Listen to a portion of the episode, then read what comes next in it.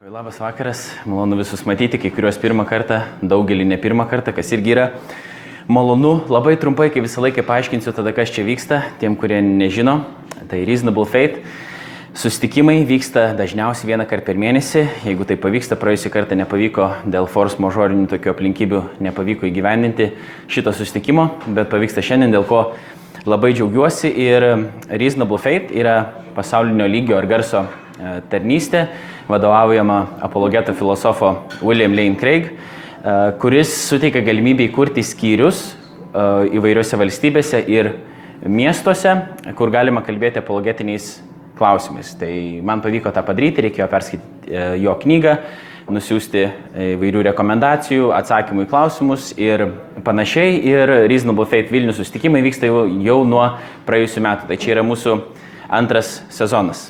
Dėkuoju ir džiaugiuosi, kad galim rinktis visą laiką mano gūrų kavinės patalpose, kuri iš principo palaiko irgi šitą misiją ir tokius susirinkimus, dėl to mums duoda šitą vietą nemokamai, dėl to visą laiką, aišku, skatintos, kurie ateina kažko tada įsigyti, atsigerti arbatos, kavos ar dar kažko. Taip, išreiškinti irgi paramą jiems, kadangi mums suteikiamos yra patalpos visiškai nemokamai.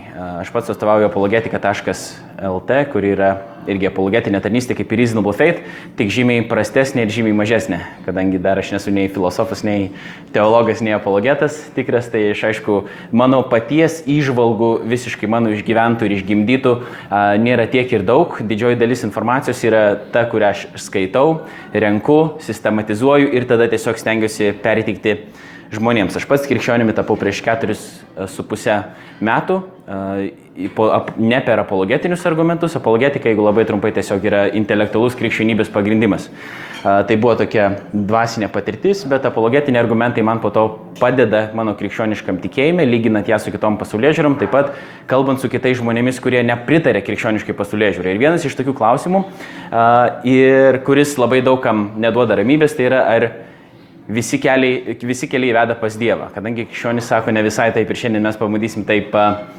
nagrinėti. Aš šiuo metu baiginėjau magistro studijas Vilniaus universitete, kur studijuoju religijos studijas dėl savo praeities bandymų pasiekti ten krepšinio aukštumų ir panašiai, esu pakeitęs daug universitetų, galiausiai baigiau Vilniaus universitetą, nes prieš tai dar studijavau dviejose ir galiausiai tada uh, stojau tris kartus į magistrantūrą ir iš trečio karto tik pradėjau studijuoti, bet džiaugiuosi, kad nors tas ilgas laikas, sakykim, praėjo, man bakalauro užtruko pabaigti septynis metus, dėl to, kad aš per tris universitetus ir per tris skirtingas specialybės tai dariau ir magistrantūrą tik iš trečio karto pradėjau, tai čia yra tokia gal viltis tiem, kurie dar dabar ieškote, ką norėtumėt studijuoti ar galvojate apie tai, ką reikia veikti gyvenime ir panašiai. Tai iš tikrųjų labai džiaugiuosi, kad ne iš karto aš poliau daryti viską ir kad teko šiek tiek paieškoti, nes tai, ką dabar darau ir tai, ką dabar dabar studijuoju iš tikrųjų yra tai, ką aš ir norėčiau arba noriu daryti ir tai, kas manau yra reikalinga ir naudinga, o ne tik tais tai, kas būtų, sakykime, pasaulio kėse naudinga ar pelninga, kadangi, kaip suprantate, religijos studijos nėra pats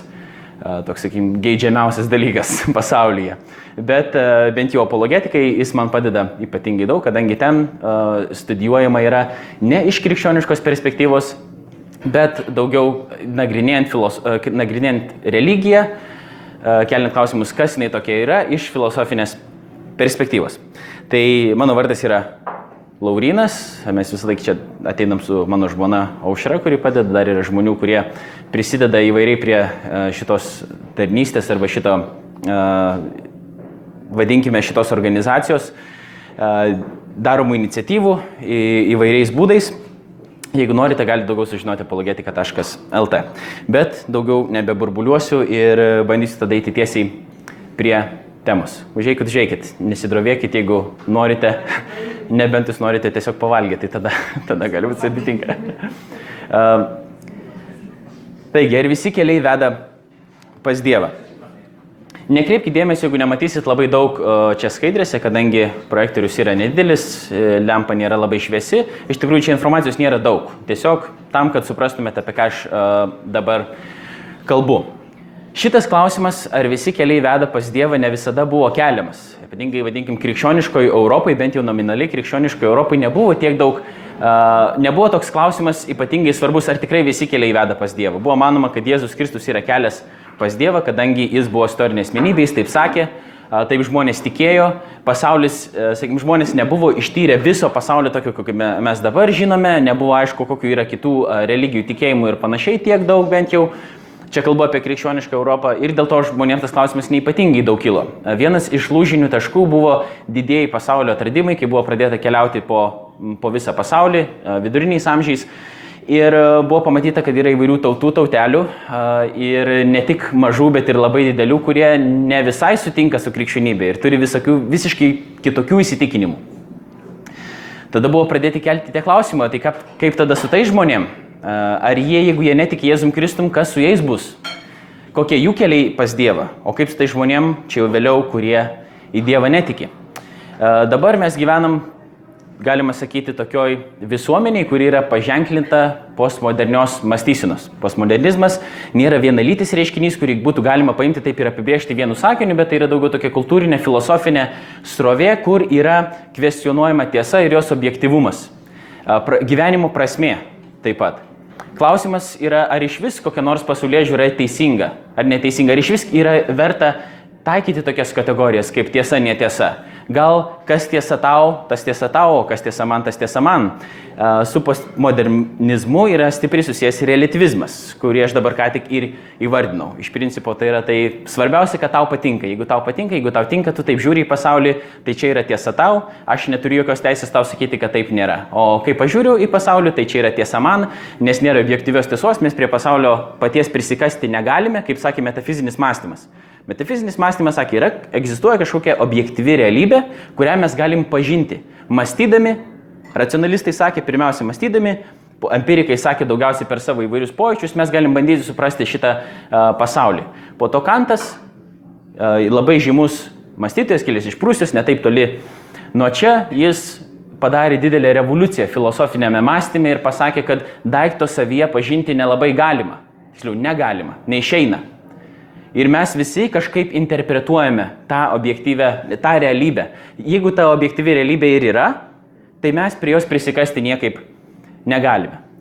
Tas toks filosofinis lūžis, aišku, padarė labai didelę e, įtaką ir mes, nors patys galime nežinoti jokios filosofinės, filosofijos istorijos, mes galim nežinoti nieko apie filosofus, ką jie sakė, ką jie mąstė, bet mūsų mąstymas neišvengiamai yra to paženklintas. Ir vienas iš e, dabar tokių, vadinkime, tokių mantrų, kur yra kartojama, yra tai, kad reikia būti tolerantiškam visiems. Tai reiškia, tu neturi jokios teisės pasakyti kitam, kad jis klysta, tu turi jį to, toleruoti. Tai tas požiūris, kaip minėjau, yra pakankamai uh, naujas, čia šitie lūžiniai taškai yra įvykę saliginai nesenai, dabar kai kurie žmonės sako, jau dabar mums reikia grįžti prie kitokio mąstymo, uh, prie to, kad ne, vis dėlto egzistuoja objektyvi realybė ir vienas iš tokių uh, pavyzdinių pavyzdinių pavyzdžių gali būti, aišku, čia jau stiliaus klaida, ką padariau, bet nieko, bet vienas iš tokių pavyzdžių yra Džanis Vatimo, italų filosofas, postmodernistas, kuris teigia, kad reikia silpninti savo mąstymą, nebe, nebegalima kalbėti labai griežtai apie dalykus, apie realybę. Ir bet, kokie, bet koks tiesos teiginys, jis yra opresyvus. Vienas iš jo mokinių, Mauricio Ferraris, jis iš pradžių mokėsis pas Džanį Vatimo, galiausiai tapo vienu iš didžiausių jo priešininkų. Man teko dalyvauti jo skaitomai paskaitoje Vilniaus universitete, buvo tokia konferencija tarptautinė filosofijos ir Mauricio Ferraris uh, yra vienas iš naujųjų realistų, vadinkime taip, naujo realizmo judėjimo šalininkų, parašęs naujo realizmo manifestą. Jis pasakė tokį teiginį per tą paskaitą, kad jeigu studentas nori ką nors išmokti ar studijuoti ar aiškintis, tai jam bent jau reikėtų tikėti, kad tas dalykas, apie kurį jis mokosi, egzistuoja.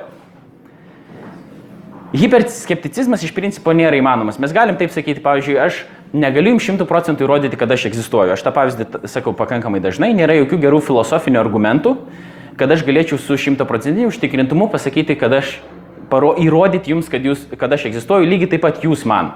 Vis yra galimybė kad mes iš tikrųjų gyvenam simulacijoje arba matricoje kažkokioje, jeigu esate matę tą filmą. Ir iš tikrųjų čia nėra tikra realybė. Mūsų, mūsų pojūčiai apgauna. Filosofai taip pat kelia tokį klausimą, ar gali būti tai, kad, sakykime, iš tikrųjų yra kažkoks pamišęs mokslininkas, kuris yra uždaręs smegenis į tokį, vadinkim, liaudiškai bliūdą, dubenį ir jį stimuliuoja ir tada šitas pasaulis, kuriame mes gyvename, mums atrodo tikras, bet iš tikrųjų jisai nėra tikras. Arba kad, pavyzdžiui, jūs esate mano vaizduotės vaisius ir iš tikrųjų jūsų nėra. Ir tikėkit, netikėkit, panašiai mąstančių žmonių aš sutinku universitete, kadangi man universitetuose nelatai tekdavo lankytis, bandant kalbėti panašius, panašius klausimus. Vienas studentas man sakė, kad iš tikrųjų, žinok, šitos sienos nėra. Nėra tokio dalyko kaip šita siena. Aš sakau, mes galim labai greitai patikrinti. Sakau, pasilenk, įsibėgėk ir perbėg per šitą sieną. Sakau, parodyk man, nu, kaip tai veikia realybėje. Jis aišku to nedarė. Ir aišku, čia yra toks humoristinis pavyzdys. Uh, nes yra, man atrodo, viena iš milijono ar labai maža tikimybė, kad atomai išsidėstys taip, kad iš tikrųjų mano atomai ir sienos atomai jie prasilenks ir aš galėsiu keurai per sieną perbėgti. Bet mes žinom, kad reguliariai taip nevyksta. Ką aš dabar noriu to visų pasakyti? Kad mes šimtoprocentinio įrodymo beveik niekur neturime. Mes pasitikime įvairiais dalykais. Tai tikėjimas yra ne tik religijos dalykas, Tai yra mūsų kasdienio gyvenimo dalykas. Jūs tikėjote, kad šitas renginys įvyks, pamatė kažkur jį, reklamą apie jį. Jis, jūs tikite, kad jūs atsikelsite rytoj, nors šitų procentų to nežinote. Jų, mes tikime, kad mes egzistuojame. Dekartas sakė, kad reikia suabejoti man visko. Jis pradėjo abejoti absoliučiai visko, iki galiausiai, kol priejo šitos vietos, kad uh, aš mastau arba aš abejoju, vadinasi, aš, aš egzistuoju. Nes jeigu aš abejoju, tai tada kas abejoja? Tai reiškia, yra kažkoks tas aš, kuris sugeba abejoti ir jis po to išvedė netgi tikėjimą dievų lygiai iš to paties. Tai šimtaprocentinio užtikrintumo mes negauname beveik niekur. Bet todėl tas hiperskepticizmas, kad aš galiu patikėti tik tuo, kas yra šimta procentų įrodyta, yra beveik niekur neįmanomas. Bet kai kurie žmonės tada sako, gerai, tada reiškia nieko gal neįmanoma yra įrodyti. Tad, todėl kaip aš galvoju, taip tada ir yra tiesa ir dėl to, kadangi aš nežinau, kaip tiksliai yra ir tu gal nežinai, kaip tiksliai yra, bet mums taip atrodo, dėl to mes turim tiesiog vienas kitą toleruoti ir nebūti opresyvus. Vienas kito neužspausti, aiškindami, kad tu klysti arba aš klystu. Pavyzdžiui, jeigu aš sakau, kad krikščionybė yra tiesa, tai tada aš negaliu taip daryti, nes aš esu tada netolerantiškas, nemalonus ir negeras žmogus. Bet ar iš tikrųjų taip yra? Reikia įvesti porą tokių terminų, religinis partikularizmas ir religinis pluralizmas. Partikularizmas sako, kad čia galite pamatyti tą apibrėžimą, jeigu galite įskaityti, tai konkrečios religinės tradicijos išskirtinumo teigimas susijęs su išgelbėjimu, išganimo, prieinamumo ir ribotumu. Jeigu taip labai paprastai pasakyti, tai kad išgelbėjimas arba išganimas ir Dievo pažinimas konkrečiai krikščionybė įmanomas tik per Jėzų Kristų. Labai konkretu, partikuliaru. Kitaip neišeina, kitaip neįmanoma. Krikščionis taip teikia. Religinis pluralizmas sako, kad ne, kelios netgi arba visos religijos gali užtikrinti išgelbėjimą. Ir visi keliai iš principo veda pas Dievą. Čia būtų tokia paprasta formuluotė. Tai krikščionys yra partikuliaristai, tada su to daug, daug kyla įvairių tada klausimų. Kaip tai yra įmanoma? Ar tai nėra tolerantiška? Kaip su kitom religijom? Ir tada mes kalbėsim apie visus šitos klausimus. Toliau, čia dar yra vietų, čia yra kėdė, ten galite atsisėsti, tai drąsiai paikit priekim, nereikės stovėti. Tikrai yra daugiau tų vietų. Tam, kad pailustruočiau dabartinį mąstymą, pasitelksiu į pagalbą tokio Steve'o Turnerio, kuris yra kuris yra parašęs e, šitą poemą, kurios dabar čia nematote, bet aš pabandysiu ją perskaityti, jeigu pats įmatysiu, kadangi labai mažom raidėm, e, bet kurią irgi galite rasti apologetika.lt Facebook e, profilyje. Jis yra parašęs tokią satyrišką, ironišką poemą apie šių laikų žmonių mąstymą, konkrečiai daugiau apie vakarų kultūrą, be abejo. Jis sako, mes tikime Maksu Freudu ir Darvinu. Mes tikime, kad viskas yra gerai, kol nieko neįskaudini, remdamasi savo skausmo sampratą ir savo žiniomis. Mes tikime lytiniais santykiais prieš, per ir po santokos. Mes tikime nuodėmės terapiją. Mes tikime, kad neištikimybė yra smagi. Mes tikime, kad sodomija yra gerai. Mes tikime, kad skelbti tabu yra tabu. Mes tikime, kad viskas eina gerin, nepaisant visų prieštaraujančių įrodymų. Įrodymai turi būti patikrinti, įrodymais galima įrodyti bet ką. Mes tikime, kad yra kažkas daugiau horoskopuose, NSO ir mintimis lankstomas iš aukštose. Jėzus buvo geras žmogus, toks pat kaip Būda, Mohametas ir mes patys. Jis buvo geras moralės mokytojas, nors mums ir atrodo, kad kai kurios geros jo mokytos moralinės vertybės yra blogos. Mes tikime, kad visos religijos yra iš esmės tokios pačios. Bent jau ta viena, kurią esame domėjęsi, yra tokia. Jos visos tiki meilė ir gerumu. Jos nesutinka tik dėl sukūrimo, nuodėmės, pragaro, Dievo ir išgelbėjimo. Mes tikime, kad po mirties ateina niekas. Nes kai paklausi mirusiųjų, kas nu- atsitinka, jie nieko neatsako. Jei mirtis, jei mirtis nėra pabaiga, jei mirusieji melavo, tada dangus yra privalomas visiems, išskyrus nebent Hitlerį, Staliną ir Čingisaną. Mes tikime Masters ir Johnson. Kas atrinkta yra, e, atitinka vidurkį, kas atitinka vidurkį yra normalu, kas yra normalu, tas yra gerai. Mes tikime visiškų nusiginklavimų, mes tikime, kad egzistuoja tiesioginė sąsaja tarp kraujo ir karo, tarp karo ir kraujo praleimo. Amerikiečiai turėtų perkelti savo ginklus į traktorius, tada rusai būtinai padarys tą patį. Mes tikime, kad žmogus iš esmės yra geras. Jį nuvilia tik jo elgesys. Tai yra visuomenės kaltė, visuomenė yra formuojama aplinkybių, aplinkybės yra formuojamas visuomenės. Mes tikime, kad kiekvienas žmogus privalo rasti tiesą, kuri bus teisinga jam. Realybė prie to prisitaikys, visa ta persimainys, istorija pasikeis. Mes tikime, kad nėra absoliučios tiesos, priimdami tiesą, kad absoliučios tiesos nėra. Mes tikime įrodymų, įsitikinimo atmetimu ir individualios minties žinėjimu. Jei atsitiktinumas yra visų kūrinių tėvas, nelaimė yra, yra jo vaivorykštė danguje. Ir kai išgirsti ypatingoji padėtis, snaiperis nužudė dešimtį, kariai, kariai siautėja, baltieji plėšikauja, mokykla susprogdin- susprogdinta, tai tik garsas žmogaus, garbinančių savo kurėją. Aš kai pasidalinau šituo aprašymu arba šitą poemą apologetika.lt e, Facebook profilyje, tai tie žmonės, kurie be jokių problemų nuolat tyčiojasi iš krikščionybės, e, visada statydami, vadinkim, tą, naudodami tą stromen gene, klaidą, loginę klaidą, tai reiškia, kai tu iš tikrųjų kritikuoji ne tą konkrečią pasaulyje žiūrą ir geriausius jos argumentus arba poziciją, bet sukuri tokią kaliausę, kurią yra labai lengva numušti, tada ją numuši ir sakai, žiūrėkit, kokia tai yra kvaila pozicija. Tai tie žmonės, kurie nuolat tai darydavo, kai aš pasidalinau šitą ironišką, satyrišką poemą, jie labai supyko, sako, tai ką tu apie mus taip galvoji ir panašiai, ir aš galvoju, Dieve mano,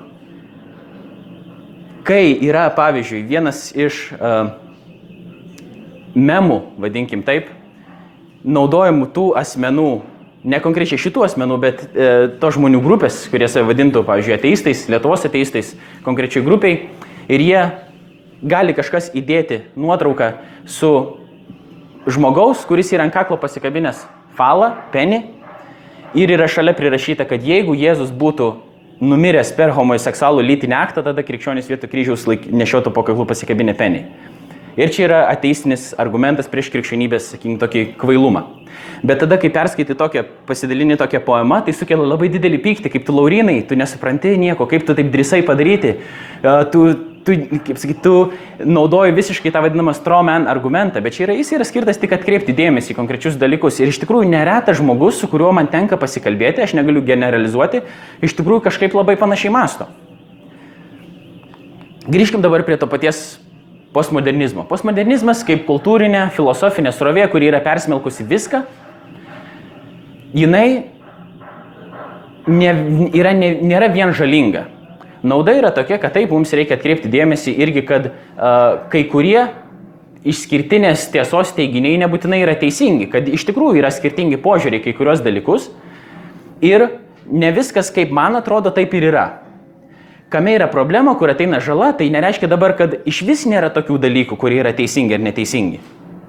Jeigu kai kurie dalykai yra subjektyvūs, tai reiškia, man patinka uh, braškiniai ledai, kažkam patinka vaniliniai ledai, ir čia nėra tiesa ar netiesa, čia yra mano subjektyvus pasirinkimas, tai nereiškia, kad tvirkinti mažus vaikus yra taip pat subjektyvus pasirinkimas kaip tarp ledų. Tai yra arba blogai, arba tai nėra blogai. Ir jeigu sakytumėm tada, kad tai nėra blogai, kad tai yra subjektas gali nuspręsti, tai tada kokią teisę kas nors gali pasakyti kitam žmogui, kad tu neteisingai, netinkamai elgiesi. Tai yra problemų. Taip, at, nauda yra tokia, kad atkreipti dėmesį tai, kad ne viskas yra taip, kaip man atrodo. Žala yra tame, kai nueinama per daug toli ir sakoma, kad nėra nieko kažkaip. Kad viskas yra subjektivu. Kad viskas yra relativu. Su relativizmu kokia yra problema dabar? Relativizmas, sakydamas daugmaž tai, kad a, nėra vienos tiesos. Toks vienas iš tradicinių, sakykim, tokių relativizmo teiginių. Nėra vienos tiesos. Jeigu šitas teiginys yra teisingas, tai jis yra klaidingas. Jis, atsa, jis pats save atšaukia. Reiškia, jeigu, jeigu tai yra tiesa, kad nėra vienos tiesos, tai vis dėlto yra kažkokia tiesa. Būtent šita tiesa, kad nėra vienos tiesos. Ar matote, apie ką, suprantate, apie ką aš kalbu? Reiškia, tai atrodo, tai yra kažkoks tiesiog šūkis, kuris neturi jokios substancijos galiausiai. Jisai pats savęs ne, neatlaiko. Tolerantiška, dabar tolerancija. Klausimas vėl tada kyla toks. Ar tolerancija pati yra tolerantiška? Galima, D.A. Carsonas, toks um, mąstytojas, teologijas, jis sako, jis sako, kad reikia skirti dvi tolerancijos uh, rūšis. Tai yra senoji tolerancija ir naujoji tolerancija. Senoji tolerancija, sakė daug maž tai, pagrindinė buvo tokia mintis. Aš galiu nesutikti su tavimi, su tuo, ką tu sakai, bet aš ginsiu tavo teisę tai išsakyti. Nors man visiškai nepatinka, ką tu sakai, bet aš ginsiu tavo teisę tai išsakyti ir aš su tavim nesutinku. Ir aš galiu likti tolerantiškas, nes aš noriu, kad tu tai galėtum išsakyti, bet tai nereiškia, kad su tavim turiu sutikti. Naujoji tolerancija, tapdama pati netolerantiška, sako daug maž taip. Tu neturi teisės sakyti niekam, kad jis klysta. Kame vėl išeina, kur yra vėl problema? Problema yra ten, kad tolerancija, norėdama užtikrinti, sakykim, tą tolerantiškumą visų žmonių, jinai bando užčiaupti kiekvieną žmogų, kuris bando pasakyti kažkokį tiesos teiginį ir sako, tu negali taip sakyti. Tai kur tada tolerancijos, naujosios tolerancija tiem žmonėm, kurie bando pasakyti kažkokią tiesą patys ir sako, ne, man atrodo, kad yra kažkaip kitaip. Tai naujoji tolerancija išeina tokia išsigimusi ir jinai nėra iš tikrųjų tikrai tolerantiška. Maža to, man teko studijuoti, mano bakalauras buvo socialinio darbo studijos Ir socialinėme darbe mes buvom mokomi, su ko aš visiškai sutinku, kad žmonės iš tikrųjų nenori tolerancijos. Ko žmonės nori? Žmonės nori prieimimo. Nes aš galiu būti tolerantiškas, pavyzdžiui, aš galiu matyti, aš galiu matyti benamį gulinti vidury gatvės, apsišlapinusi, prisigėrusi, vos nepervažiuojama automobiliu ir aš galiu toleruoti jo buvimą ten. Man gali būti nieko tokio, kad jis guli toje gatvėje. Aš galiu jį toleruoti. Bet ar nebūtų man geriau, jeigu aš nueičiau pas tą žmogų, jį kreipčiausi, paklausčiau, kaip aš galiu jam padėti arba patraukčiau iš tos gatvės.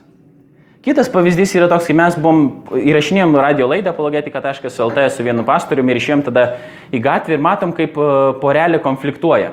Moteris neščia ir šalia jos esantis vyrukas su kuprinėje daužo reformatų parke. Mes pribėgom greitai prie jų Ir aš sakau, ką tu darai? Ta prasme, tavo mergina yra, tikriausiai jie nėra susituokę, tavo mergina yra nešė, tu ją su kuprinė vanuoji. Sakau, šiaip per nesąmonę, kad čia, sako, viskas yra gerai. Sakau, nieko čia negerai. Prasme, kaip, iš viso aš nesuprantu, koks tas jūsų santykis, sakau, čia policija reikia kviesti ar dar. Ir jinai, matau, jinai nieko nesako, jinai tik po truputį eina nuo manęs. Sigant, ne, ne, viskas čia gerai, čia nieko nereikia daryti. Mes kažkaip tai pasikalbėjom, tada galiausiai ten nustojo, ta mergina niekur nebėgom, neprašė, kad policija kviestų dar kažką, nu jų pasirinkimas, aš nieko negaliu padaryti, aš negaliu priversti jos kažkaip kištis į santykį ir sakyti, tu privalai elgtis taip ar kitaip. Bet aš norėjom įsikišti šitą situaciją, nes atrodo, jinai nenormali. Jeigu mes būtum tolerantiški, ką tolerancija sakytų? Toleruok, viskas tvarko, jie, nu, jiem taip atrodo, ką darysi. Jam, jai patinka, kad jie lupa su kuprinė, arba jai gal nepatinka, bet jinai niekur negali pabėgti, tai tegul lupa. Ir aš tiesiog toleruoju šitą elgesį. Niekas nenori būti toleruojamas iš tikrųjų. Mes norim būti priimti. Socialinėme darbe mes būtent taip ir buvome mokomi, kad tie klientai, vadinkim, nors tas nėra geras terminas, tie žmonės, su kuriais tenka bendrauti, kurie turi įvairių problemų, jie nenori būti toleruojami galiausiai, jie nori, kad būtų pažinti, jų problemos suprastos ir jie nori būti priimti ir mylimi. Tai krikščionybė nekalba apie toleranciją. Krikščionybė kalba apie žymiai daugiau. Krikščionybė kalba apie meilę žmogui, jo prieimimą. Dabar, kur yra problema, kur žmonės nepastebi. Tai nereiškia, kad aš dabar sutinku su visko, ką žmonės mano arba daro. Tėvai, jeigu būtų, tole, kai mes, mes visi augom, mes visi turėjom tėvus. Arba jie buvo šalia mūsų, arba nebuvo, bet bet kokiu atveju mes atsiradom iš kažkur. Ne, iš tėvų. Galiausiai buvo įvairių žmonės mūsų gyvenime, kurie mūsų augino. Mes be santykių nebūtum galėję užaukti. Koks tas santykis buvo geresnis, prastesnis, čia jau yra kitas klausimas. Jeigu dabar aš sugalvoju, kaip paauglys, kad man būtų visai neblogai pašniuoti narkotikų šiek tiek. Ir aš noriu, kad mano tėvai būtų tolerantiški. Tėvai, norėdami būti tolerantiški, pasiduodami visuomenės spaudimui, sako, ką darysi, vaikeli, nieko tokio, jeigu tu nori šniuoti, šniok. Ir jie yra tolerantiški. Bet tėvai, kadangi myli, vaikas sako, čia yra negerai, negalima taip daryti, tu save sužalosi, tu pakenksi savo, tu eini į savidestrukciją ir jie nesutinka su savo vaiku dėl jo gerovės ir iš meilės. Tai lygiai taip pat krikščionis, kalbėdami apie Dievo meilę, apie gerą arba negerą elgesį, tinkamą, netinkamą mąstymą, pirmiausia apeliuoja ne į tai, kad aš esu sugalvojęs kažką geriau ar blogiau, bet kreipdami dėmesį į apreiškimą ir ką Dievas yra pasakęs, ir po to sakydami, kad remiantis tuo, kad Dievas yra pasakęs, vienas elgesys arba vienas mąstymas veda į savidestrukciją. Ir ne tik savidestrukciją, bet kitų žmonių destrukciją, o kitas ne. Tai gal atkreipkim dėmesį, tada žmonės šaukia netolerancija, netolerantiški, kaip taip įmanoma, kaip taip galima. Kaip tu drįsti sakyti, kad tai yra negerai? Kaip tu drįsti man aiškinti, kaip gyventi?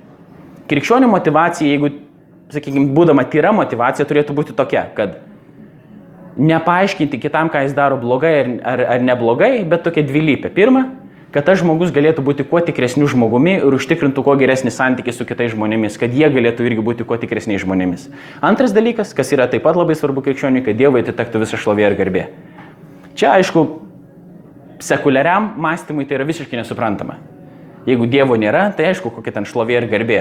Čia yra kažkoks despotas, kuris nori kažkokios šlovės ir garbės, bet krikščionis tiki, kadangi Dievas yra viso ko kuriejas, jis yra gyvybės davėjas, jis yra visatos kuriejas, jis yra valdovas, jam priklauso visa šlovė ir garbė.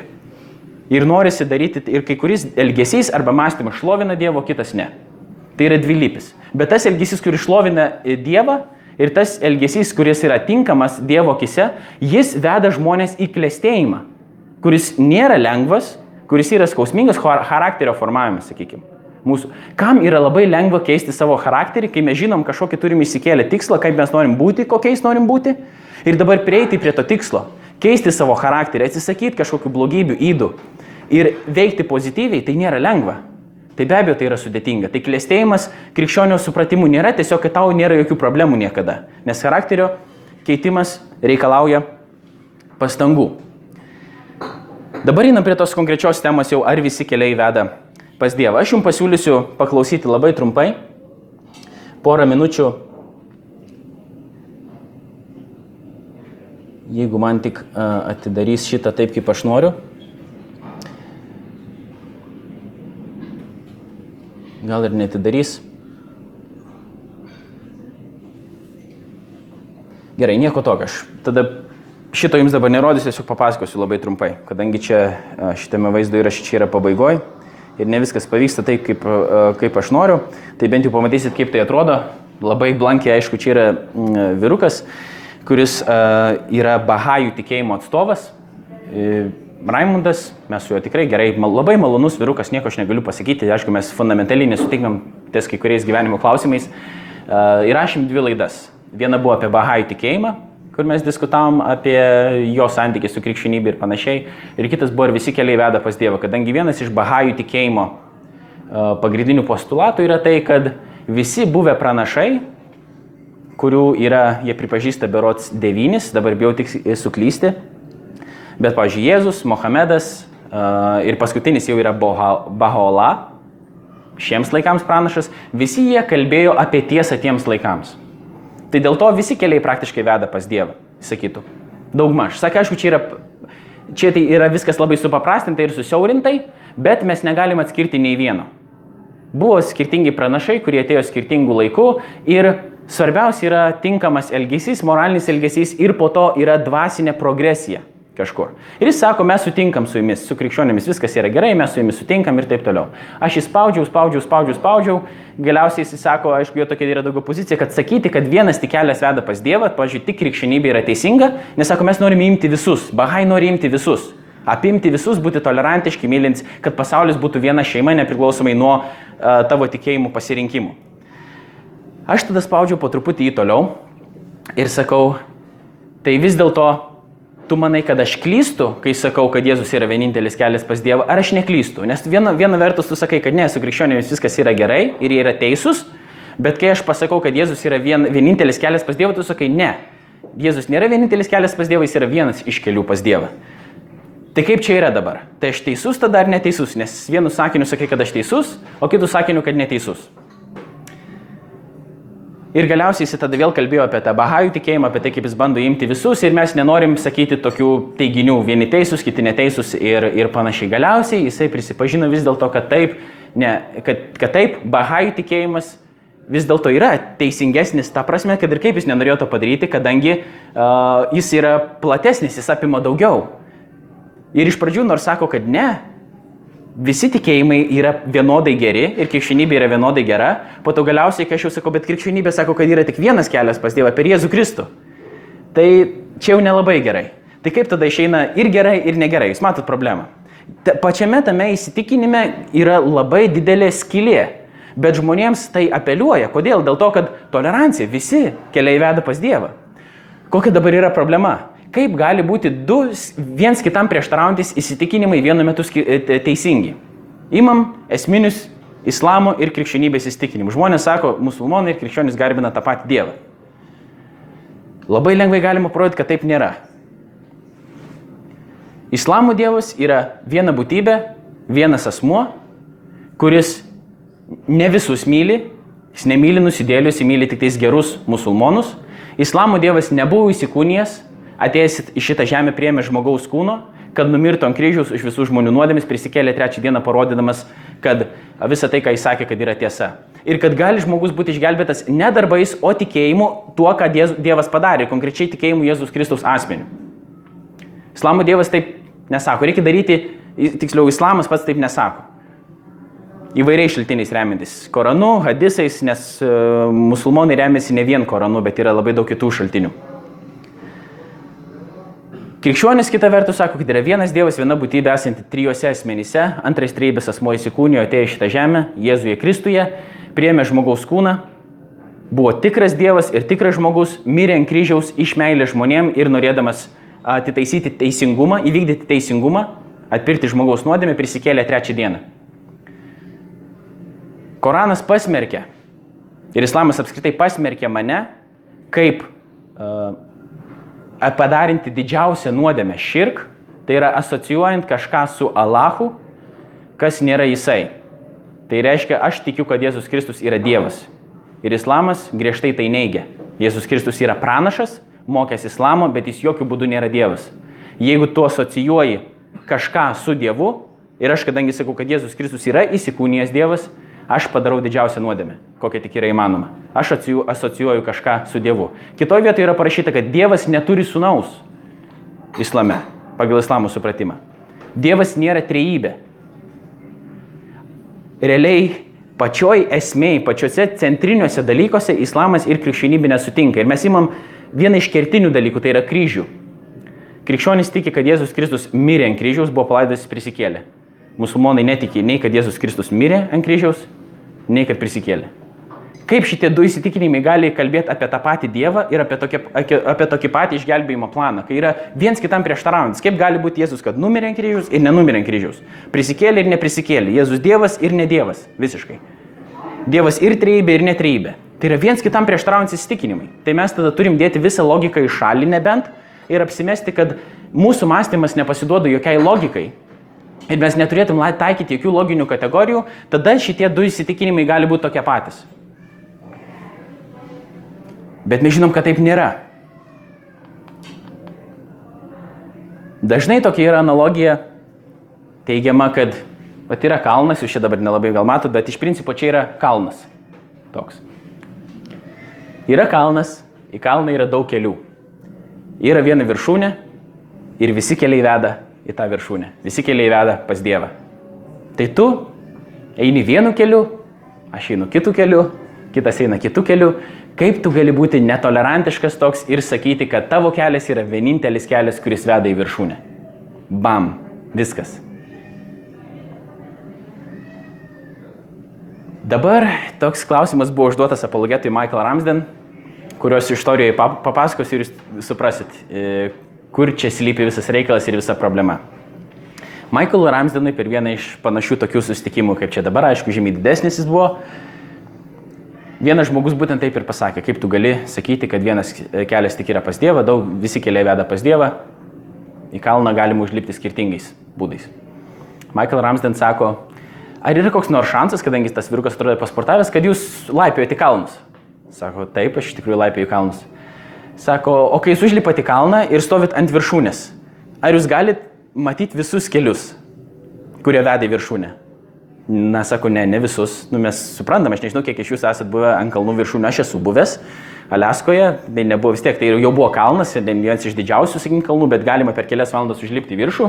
Tikrai ne visi, kal, ne visi keliai matosi, nes nėra visiškai tokia kaip adata, sakykim, kurie šiek tiek platesnė ir tada tu gali matyti visus kelius. Kalnas kitaip atrodo. Ir sako, ne, ne, nesimato nuo viršūnės visi keliai. Sako, tai kur tu turi būti, kad tu matytum, kur tie visi keliai veda. Sako, jeigu kalnas yra čia, tai turi būti virš kalno, kad tu matytum, kur tie visi keliai veda. Tai sako, tai čia aš tik tiesiog, Michaelas Samsonas jam sako, tai aš tiesiog dabar bandau suprasti, kuris iš mūsų čia iš tikrųjų yra arogantiškas. Nes atrodo, kad jūs teigiate, kad jūs turite tą paukščio skrydžio žvilgsnį, esant, jūs esate virš kalno ir jūs sakote, kad jūs žinote, kad visi keliai veda į kalno viršūnę. Nes tas žmogus sako, iš tikrųjų, iš kur tu, visi keliai veda pas Dievą ir tu stovi tik šalia to savo takiuko arba tu eini to savo takiuku ir tu kitų nematai. Bet tada tas žmogus sako, kad aš esu virš kalno ir aš matau, kur jis veda. Jis realiai turi priemę savo Dievo žvilgsnį, nors užsideda tolerancijos kaukę. Tai vienintelis, kuris gali pasakyti, kiek yra tiksliai kelių pas Dievą, yra pats Dievas. Klausimas yra, kaip tai sužinoti. Mes dar prie to vėl prieisim. Kitas dalykas yra, aš nežinau, čia gal jūs matote šiek tiek geriau. Čia yra dramblys ir yra akli žmonės, kurie čiupinėja vienas koją, vienas traublį, kitas uodegą, kitas ausį ir panašiai. Ir gal esat girdėję šitą analogiją. Sako, yra akli žmonės, kurie, pavyzdžiui, vienas paima koją, sako, o dramblys yra kaip medžio kamienas. Toks apvalus, ilgas, kietas. Kitas sako, ne, ne, ne. Dramblys yra daugiau toks paėmęs traublį kaip gyvatė. Toks besirangantis, toks minkštas. Kitas sako, ne, iš tikrųjų tai dramblys yra kaip virvė paėmęs uodegą. Su kutosais, toks irgi. Uh, visiškai toks atsipalaidavęs. Ir skirtingi ima skirtingus, uh, liečia skirtingas dramblio vietas ir jiems atrodo skirtingai, koks tas dramblys yra. Ir sako, palyginimas religija yra tada taikomas ir sakoma, kad tai va ir religijos yra tokios. Yra tas vienas dievas ir kiekviena religija čiupinėja, vadinkim kabutėse, mažą to dievo dalį. Ir visi jie yra teisūs, nes vienam dievas atrodo truputį toks, kitam dievas atrodo truputį kitoks. Kur ir vėl yra problema, lygiai taip pat kaip su to kalnu. Pats pasakotojas nėra vienas iš tų aklų žmonių. Pats pasakotojas jis mato visą dramblį ir jis mato visus tos žmonės. Ir vėlgi tas pasakotojas tada stato save į Dievo vietą ir jis pasako, kaip yra, kaip gali būti ir kaip turi būti.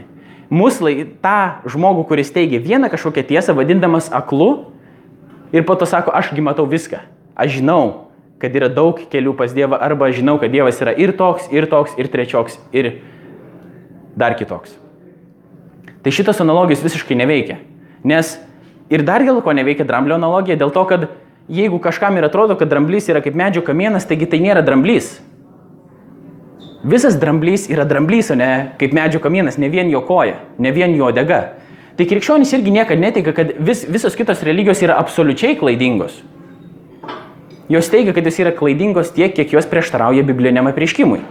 Musulmonai tiki, kad yra Dievas. Gerai, krikščionys tiki, kad yra Dievas. Mes nesutikim, koks Dievas yra, bet mes tikim, kad jis yra. Su ateistais nesutiktumėm, kad Dievo nėra. Bet nereikia tik taikyti visko vien krikščionim. Dažniausiai krikščionis gauna visą laiką plakti per nugarą už tai kiekvieną pasaulyje žiūrą, norėdama pasakyti kažką bet ką bet kokį tiesos teiginį, jinai yra ekskluzivi. Jeigu tu sakai, kad kažkaip yra, reiškia sakai, kad kažkaip kitaip nėra. Pavyzdžiui, netgi tas, kuris sako, kad visi keliai veda pas Dievą, atskiria tuos ir sako, kad klysta tie, kurie sako, tik keli keliai veda pas Dievą arba tik vienas kelias veda pas Dievą. Vėl tolerancijos kaukė užsidedama, o iš tikrųjų tai teiginys toks pat. Tiesos teiginys tik kitoks. Tai dėl to nereikia sakyti, kad tik krikščionys teigia tiesos teiginius. Absoliučiai kiekviena pasaulė žiūrė norėdama pasakyti, kad kažkaip yra, teigia kažkokią tiesą. Netgi sakyti, kad nėra vienos tiesos ir jeigu tu nori pasakyti, kad tai yra tiesa, tai aišku, tu pats paneigi šitą teiginį, bet to pačiu irgi sakai, kad klysta tas, kuris teigia, kad viena tiesa yra. Aš tikiuosi, kad tai yra pakankamai dabar aišku, bet dažniausiai reikia pramušti tą patį paviršių ir pamatyti šiek tiek giliau esančias prielaidas ir loginės klaidas. Tiesa, tiesa nėra nuomonė. Tiesa nėra, jeigu man taip atrodo, man tai priimtina, Tai čia yra mano nuomonė. Delfi komentarai yra pilni nuomonių. Tai nebūtinai yra tiesa. Kai kurie straipsniai yra nuomonės. Ir nieko bendra su tiesa neturintis. Tiesa nėra nuomonė. Tiesa yra tai, aišku, yra skirtingų tiesos teorijų, bet jeigu paprasčiausiai galima sakyti, tai yra tiesa yra kažkas, kas atitinka realybę. Taip kaip yra. Jeigu aš sakau, kad mano vardas yra Laurinas ir mano vardas yra Laurinas, aš esu teisus. Ar aš esu arogantiškas dabar, kad aš sakau, aš esu teisus? Ne, čia nėra jokios arogancijos, nes aš sakau tiesą. Jeigu aš sakau, kad yra Dievas ir jeigu Dievas yra, tai aš nesu arogantiškas, jeigu jis yra. Reiškia, aš esu teisus. Žmonės sako, kaip tu drįsti sakyti, kad tu esi teisus? Niekas negali žinoti, ar Dievas yra. Nu, tai reiškia, tu tada sakai, kad esi teisus. Niekas negali žinoti. Tu žinai, kad niekas nežino. Bet visada atrodo yra mažiau arogantiška sakyti taip atvirkščiai. Bet tiesa nėra nuomonė, jinai yra objektyvi. Kažkas yra tiesa. Tai, kas atitinka pasaulį, koks jis yra, tai yra tiesa. Ir vienam, vienas kitam prieštaraujantis teiginiai negali būti teisingi. Tai yra prieštaravimo arba neprieštaravimo dėsnis. A yra nelygų ne A. Tai yra, jeigu aš esu čia dabar šią akimirką, tai reiškia, aš nesu ir savo namie tuo pačiu metu. Jeigu aš turiu žmoną, reiškia, kad aš turiu žmoną ir nėra taip, kad aš žmonos neturiu. Viens kitam prieštaraujantis dalykai negali būti teisingi tuo pačiu metu. Ir mes taip bandom bent jau gyventi, taip mąstydami. Gerai, tada kaip mums žinoti tada, ar visi keliai veda pas Dievą ar ne? Iš kur mums tai reikia sužinoti? Ar mes galim vien apmastyti šitą dalyką ir išmastyti galiausiai? Buvo žmonių, kurie bandė tai daryti ir galima sakyti, kad jie priejo arčiau tiesos, nes buvo žmonių, pavyzdžiui, toks Aristotelis, jis uh, pateikė argumentų Dievo buvimui iki krikščionybės politeizmo, sakykime, tokiu politeistiniai kultūrai, tokiu metu duodamas argumentų, pavyzdžiui, iš judėjimo, iš kismo ir panašiai, kaip nepajudinamas judintojas, jis sakė, kad privalo egzistuoti iki galutinė realybė. Tai jis pataikė, jis sakė, mąstydamas, vien mąstydamas Dievo duotų protų, kaip krikščionis tiki, jis priejo prie tiesos, kad egzistuoja tokia būtybė, kuri yra savaime egzistuojanti. Be pradžios, kuri duoda pradžią visam kitam - judėjimui, kismui, egzistencijai visam kitam. Tai galima vien mąstymu prieiti prie Dievo. Bet krikščionis tiki, kad Dievas ne tik, kad suteikia galimybę mums mąstymu prieiti prie kažkokių tiesų, bet klausimas yra pagrindinis toks. Jeigu Dievas yra, ar Dievas kada nors kalbėjo? Ar jis kada nors pasakė ką nors apie save? Krikščionis sako taip, kalbėjo. Kalbėjo konkrečių metų, konkrečioje vietoje.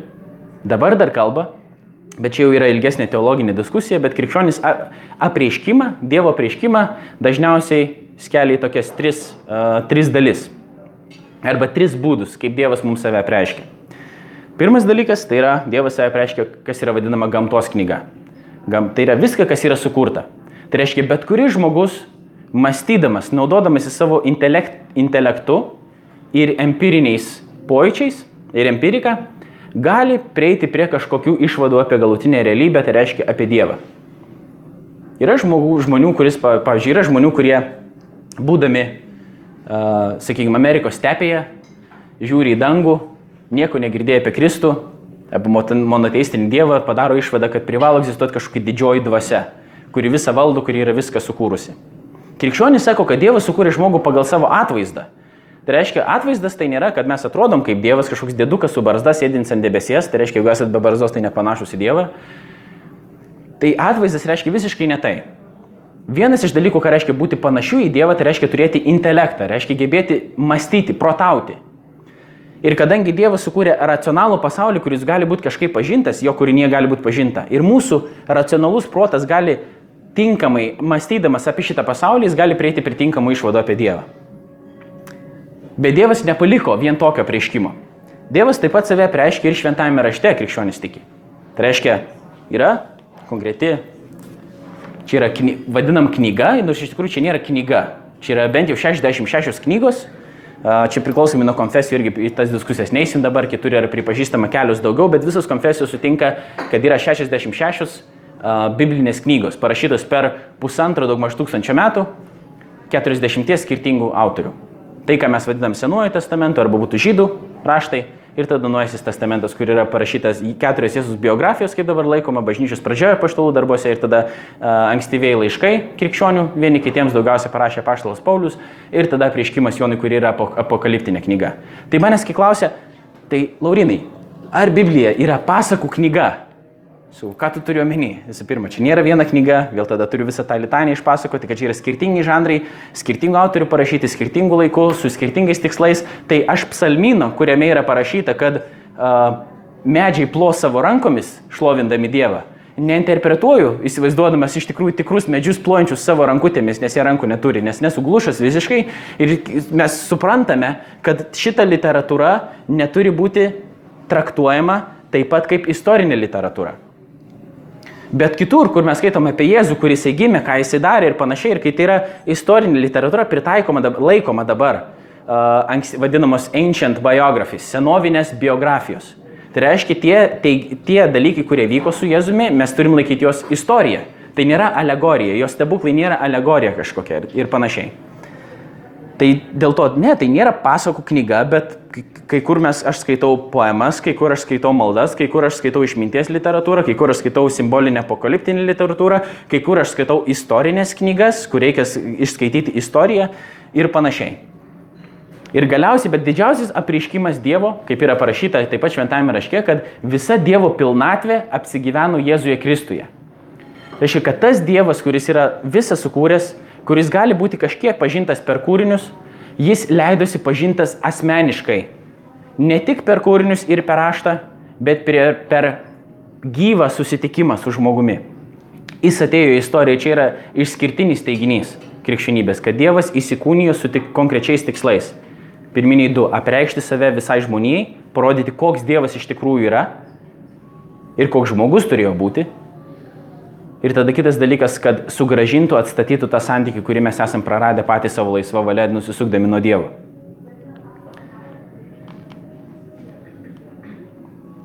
Iš laiško romiečiams galima padaryti tokias išvadas apie krikščionys daro šitas išvadas iš apreiškimo, ne patys išmastę vien. Tai dėl to, kai man sako Laurinai, tu labai arogantiškas tu, nes tu sakai, kad tu esi teisus, tai aš esu galvoju teisus tik tiek, kiek mano mąstymas atitinka taip, kaip yra ir kaip yra duota Dievo prieškimo.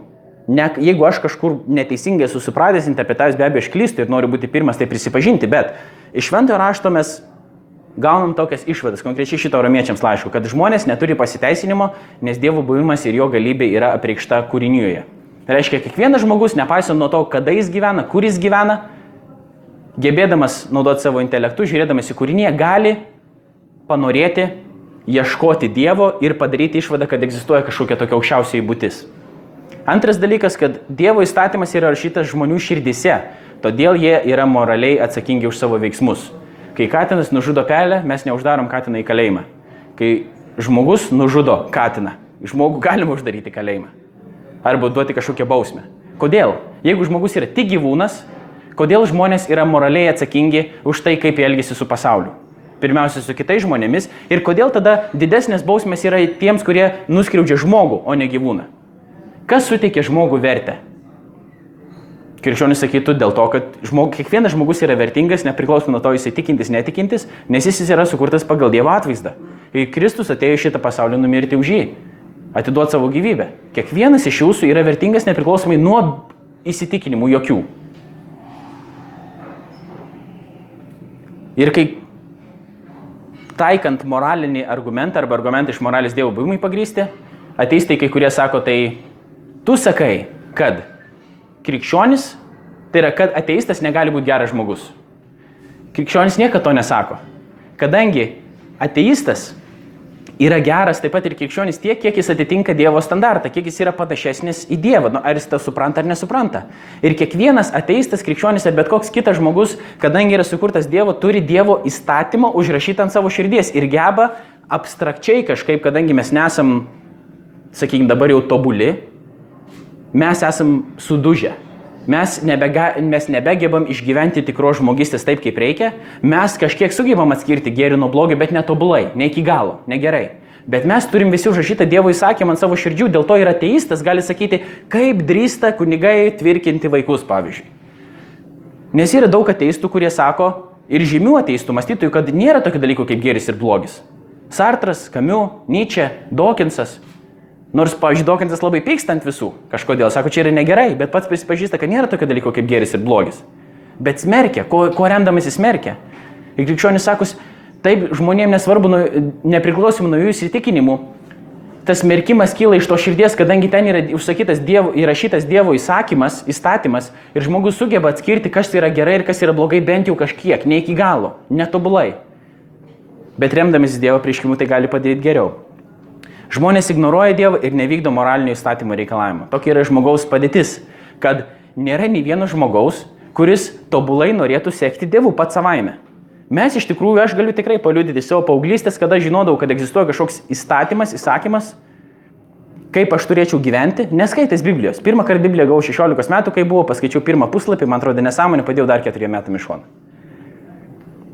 Nežinodamas, kas yra prieškime parašyta, aišku, tiek, kiek krikščioniškai kultūrai gyveni, tiek gali girdėti apie Dievo įsakymus ir dar kažką panašiai, bet žinau, kaip aš turiu gyventi, daugma žinau, kas yra gera, kas yra bloga, kokios yra vertybės, kad man reikia mylėti, kad man reikia būti nuolankiam ir panašiai. Ir aš to nedarau. Man neišeina, netgi kai noriu, o dažniausiai tai net nenoriu. Nes noriu, nes mano nagai yra lenkti į save. Tiesiog taip yra. Kod, jeigu mes iš tikrųjų esame iš prigimties geri, kaip kelios pasaulio žiūros sako, kodėl mums taip yra sunku daryti gerą ir taip lengva yra būti savanaudiškiam. Lengviausias dalykas yra daryti savo kažką. Pats lengviausias dalykas. Visi žmonės yra nuodėmės valdžioje, taip pat rašo laiškas romiečiams, kad mes iš tikrųjų mumise yra kažkas tokio, kas mumis verčia netgi elgtis taip, kaip mes nenorim kartais elgtis. Kaip pats apaštalas Paulius rašo, tai aš pats savęs nesuprantu. Aš žinau, kas yra gera ir noriu taip daryti, bet nesugebu. Ir kodėl mes, ir mes dažnai, atrodo, patiriam, kad tai mums yra. Mums yra sunku daryti gerą, nors mes kartais ir suvokiam, kas tai yra. Ir raštas aiškina tai, kad mes esame nuodėmės valdžioje.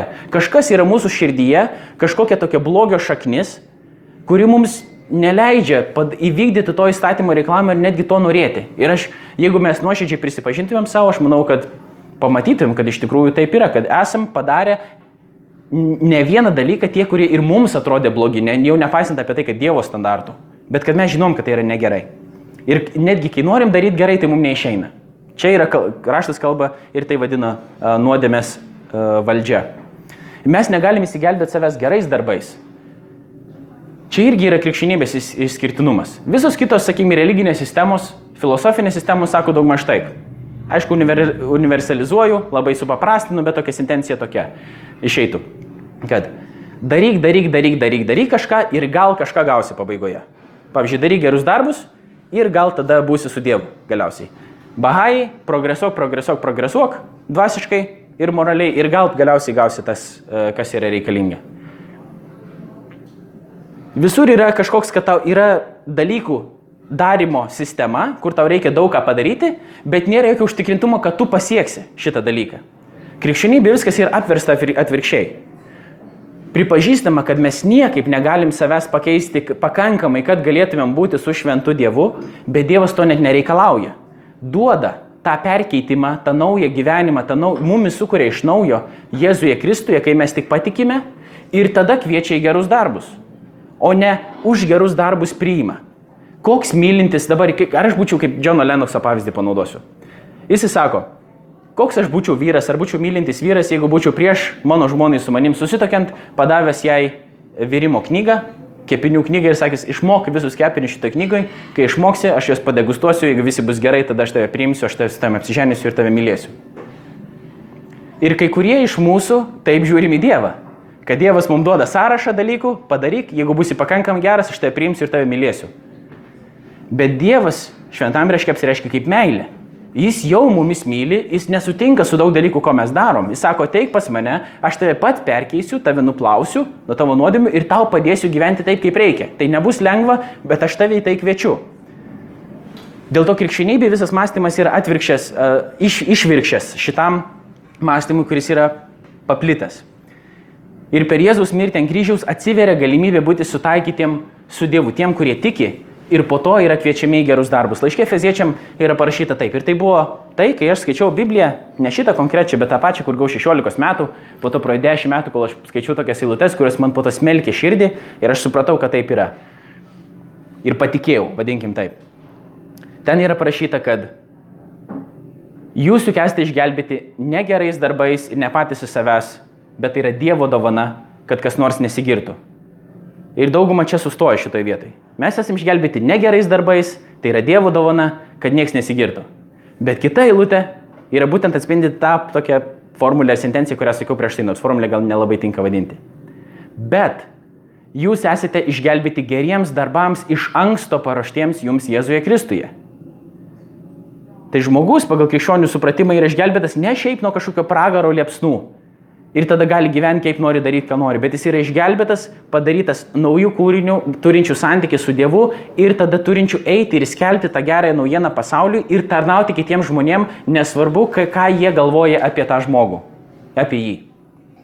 Krikščionim tai yra sunku įgyvendinti ir taip mes esame labai dažnai kalti dėl to, kad mes nesugebam taip gyventi, kaip reikia.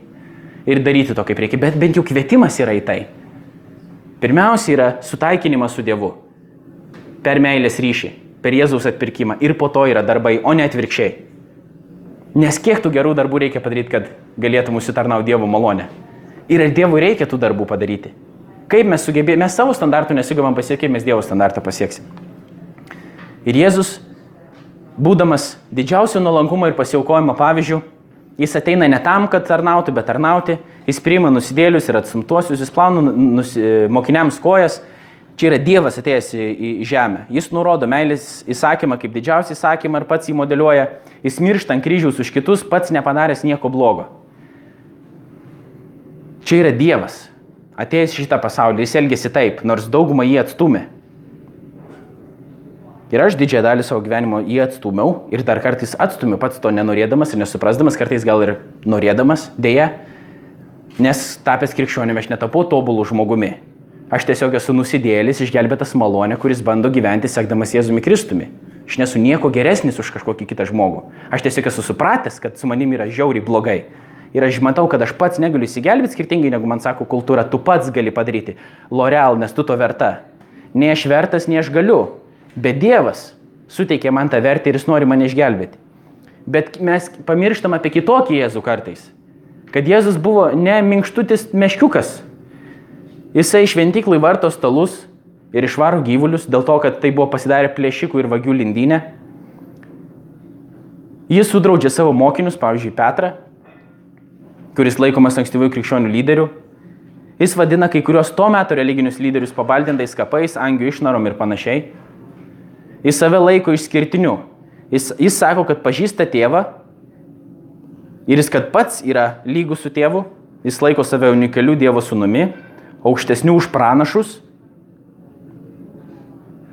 Jis mano, kad turi gali ir tai demonstruoja atleisti nuodėmės, autoritetingai pakei, nepakeičia, bet papildo arba paaiškina Dievo įsakymus ir panašiai. Kas čia per žmogus? Atrodo nuolankumo pavyzdys, tuo pačiu sakydamas, kad tokius dalykus. Aš esu kelias, tiesa ir gyvenimas, niekas nenueina pas tėvą kitaip kaip tik per mane. Jeigu pažįstate mane, tai pažinsite ir mano tėvą, jau dabar jį pažįstate ir esate matę. Jėzus sako, Ne, čia yra kelias, čia yra tiesa ir čia yra gyvenimas, darykit daug maž taip ir gal kažkas iš to išeis. Jis sako, aš esu tiesa, kelias ir gyvenimas. Tai klausimas dabar viskas sueina į Jėzų. Ar Jėzus yra tai, kas jisai sakė, kad yra, ar nėra? Jeigu jis yra, tas, kas jisai sakė, ką aš tikiu, jis patvirtino savo prisikėlimu. Arba ne. Kaip Sės Liujus sako, tai jis yra arba pamišėlis, arba melagis, arba jis yra viešpats bet jis nėra geras moralės mokytojas vien tik. Prieštaravimai. Kokie dabar kyla prieštaravimai tam krikščioniškam partikularizmui? Dabar greitai per juos pereisiu ir, ir pabaigsiu. Vieni sako, kad krikščionys yra arogantiški ir amoralūs, teikdami, kad jie yra vieninteliai teisūs, o visi kiti klysta. Reiškia, tu, Laurinai, esi arogantiškas ir nemoralus, kaip tu drįsti sakyti, kad aš esu neteisus, arba tas labai malonus žmogus, kuris yra mano kaimynas, yra neteisus. Čia yra ad hominem loginė klaida, kai bandoma diskredituoti, bandomas diskredituoti koks nors teiginys, kalbant apie žmogaus charakterį. Pavyzdžiui, Laurinai, tu esi blogas dėl to tai, kas, ką tu sakai, yra netiesa. Tai mes matom, kad čia yra nesąmonė. Aš galiu būti koks aš noriu, bet jeigu aš pasakau teisybę, pavyzdžiui, kad mano vardas yra Laurinas ir mano vardas yra Laurinas, tai negalim sakyti, ne Laurinai, tavo vardas nėra Laurinas, dėl to, kad tu esi negeras žmogus. Čia yra nesąmonė. Tai vien dėl to, kad jeigu krikščionys ir būna arogantiški ar amoralūs, tai nereiškia, kad Jėzus nėra vienintelis kelias pas Dievą. Reikia ieškoti kitokių būdų. aišku, krikščionis tada turi susimastyti, kad gal reikia būti šiek tiek malonesniems, mandagesniems ir panašiai, bet čia nėra jokio amoralumo. Ar arogancijos sakyti, kad yra vienas kelias pas Dievą. Taip, aš galiu būti kartais ir neretai tikrai būnu nemalonus žmogus dėje, kad ir kaip aš to nenorėčiau. Bet šitas argumentas ar tas prieštaravimas tiesiog neveikia. Arba be to, kitas dalykas, ar jūs norėtumėt, kad, pavyzdžiui, jeigu kažkoks žmogus yra labai amoralus ir negeras, arogantiškas žmogus, kuris išranda vaistą nuo vėžio.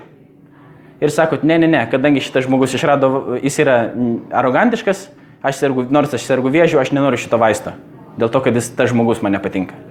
Čia būtų didžiausia nesąmonė. Kitas dalykas, tu esi krikščionis tik todėl, kad gimiai nominaliai krikščioniškoje šalyje, tai reiškia Lietuvoje. Jeigu būtum gimęs Afganistane, būtų musulmonas, jeigu Indijoje, būtų hinduistas ir taip toliau. Čia yra kita klaida loginė, čia yra genetinė klaida. Tai reiškia, bandoma diskredituoti kažkokį teiginį, remiantis tuo, kaip tu tą teiginį, kaip tu tą įsitikinimą įgyjai.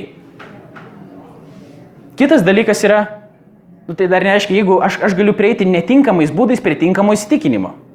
Man gali koks nors girtuoklis gatvėje pasakyti, kad 2 plus 2 yra 2 ir aš to neišmokau mokykloje, bet jeigu 2 plus, 2 plus 2 yra 4, atsiprašau, ne 2, 2 plus 2 yra 4, tai reiškia, tai yra tiesa, nesvarbu, kad aš gal tai išmokau nesamoningai kažkokiu būdu, man pasakė šiaip kažkoks girtuoklis gatvėje. Tai ir dabar tai tampa netiesa. Ne, nesvarbu. Kitas dalykas yra, kad tas pats žmogus, kuris, pavyzdžiui, ateistai labai dažnai tai teigia. Tai lygiai taip pat, kaip angliškas yra toks posakis, the sword cuts both, both ways. Yra dviešmenis kalavijas. Tas taikoma yra ir tą pačiam ateistui. Tai jeigu tu ateistė gerbiamas būtum gimęs Indijoje, tai tu irgi neteistas būtum, o hinduistas. Tu esi ateistas tik dėl to, kad gimiai vakarietiškai kultūrai, kuri leidžia laisvą e, sąmonės reiškimasi, laisvus įstikinimus ir panašiai. Tai čia yra loginė klaida, kad taip, nu, taip mes gimėm nominaliai krikščioniškai šalyje, bet mano tėvai nebuvo krikščionis, dabar jų mąstymas keičiasi, bet aš, neuž, ne, aš neužaugau eidamas į bažnyčią su tėvais, mūsų namuose nebuvo kalbama apie Dievą ir panašiai. Nu taip nebuvo. Tai bent jau aš esu pavyzdys, kad aš nebuvau indoktrinuotas į kažkokį įsitikinimą. Kitas prieštaravimas tada, gerai, ar mylintis Dievas tada siūstų žmonės į pragarą? Jeigu jie netik Jėzumi, tai kaip gali mylintis Dievas siūsti žmonės į pragarą?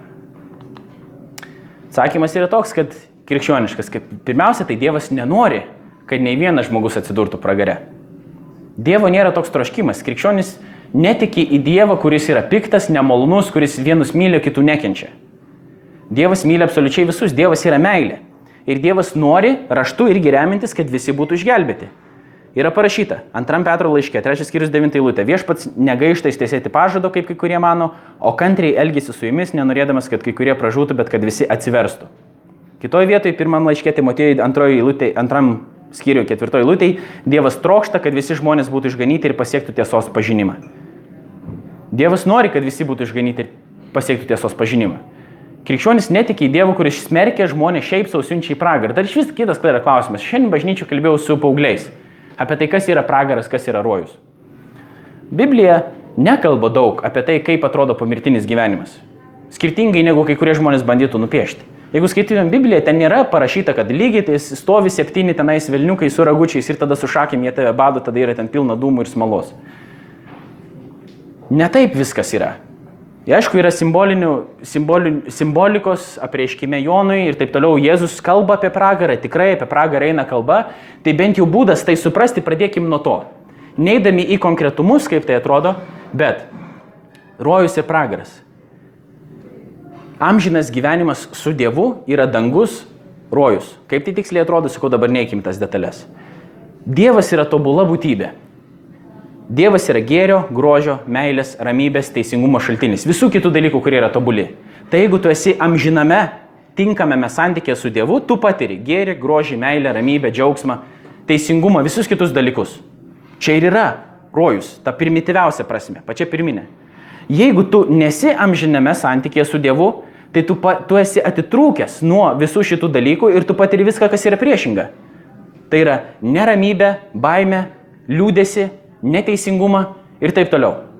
Jeigu tu esi atitrūkęs nuo šitų dalykų, čia ir yra pragaras, ta primityviausia prasme, neinant į kažkokius konkretumus. Tai bent jau pradėkime mąstyti nuo šitų dalykų. Tai nėra kažkokie du kambariai, kur viename vilniukai badų su šakėm tave, o kitame tau atneša pavalgyti ir, ir ten tu esi laimingas, to nieko nereikia veikti, tik pilva trini. Amžinybė svarbiausia yra ne kokioj tu vietoje esi ir kaip tu jautiesi, bet ar tu esi su Dievu amžinam santykiai, ar tu esi be Dievo. Ir nuo to priklauso ir visa tavo savijauta, ir kančia, ir nekančia, ir visi kiti dalykai. Nuo amžino santykio su Dievu. Ir Dievas neverčia nei vieno žmogaus pasirinkti santykio su juo. Jis duoda įvai, visko, ko reikia, kad pasirinktų žmogus. Bet nei viena per prievartą neveda į santykį, nes laisvo santykio per prievartą nebūna.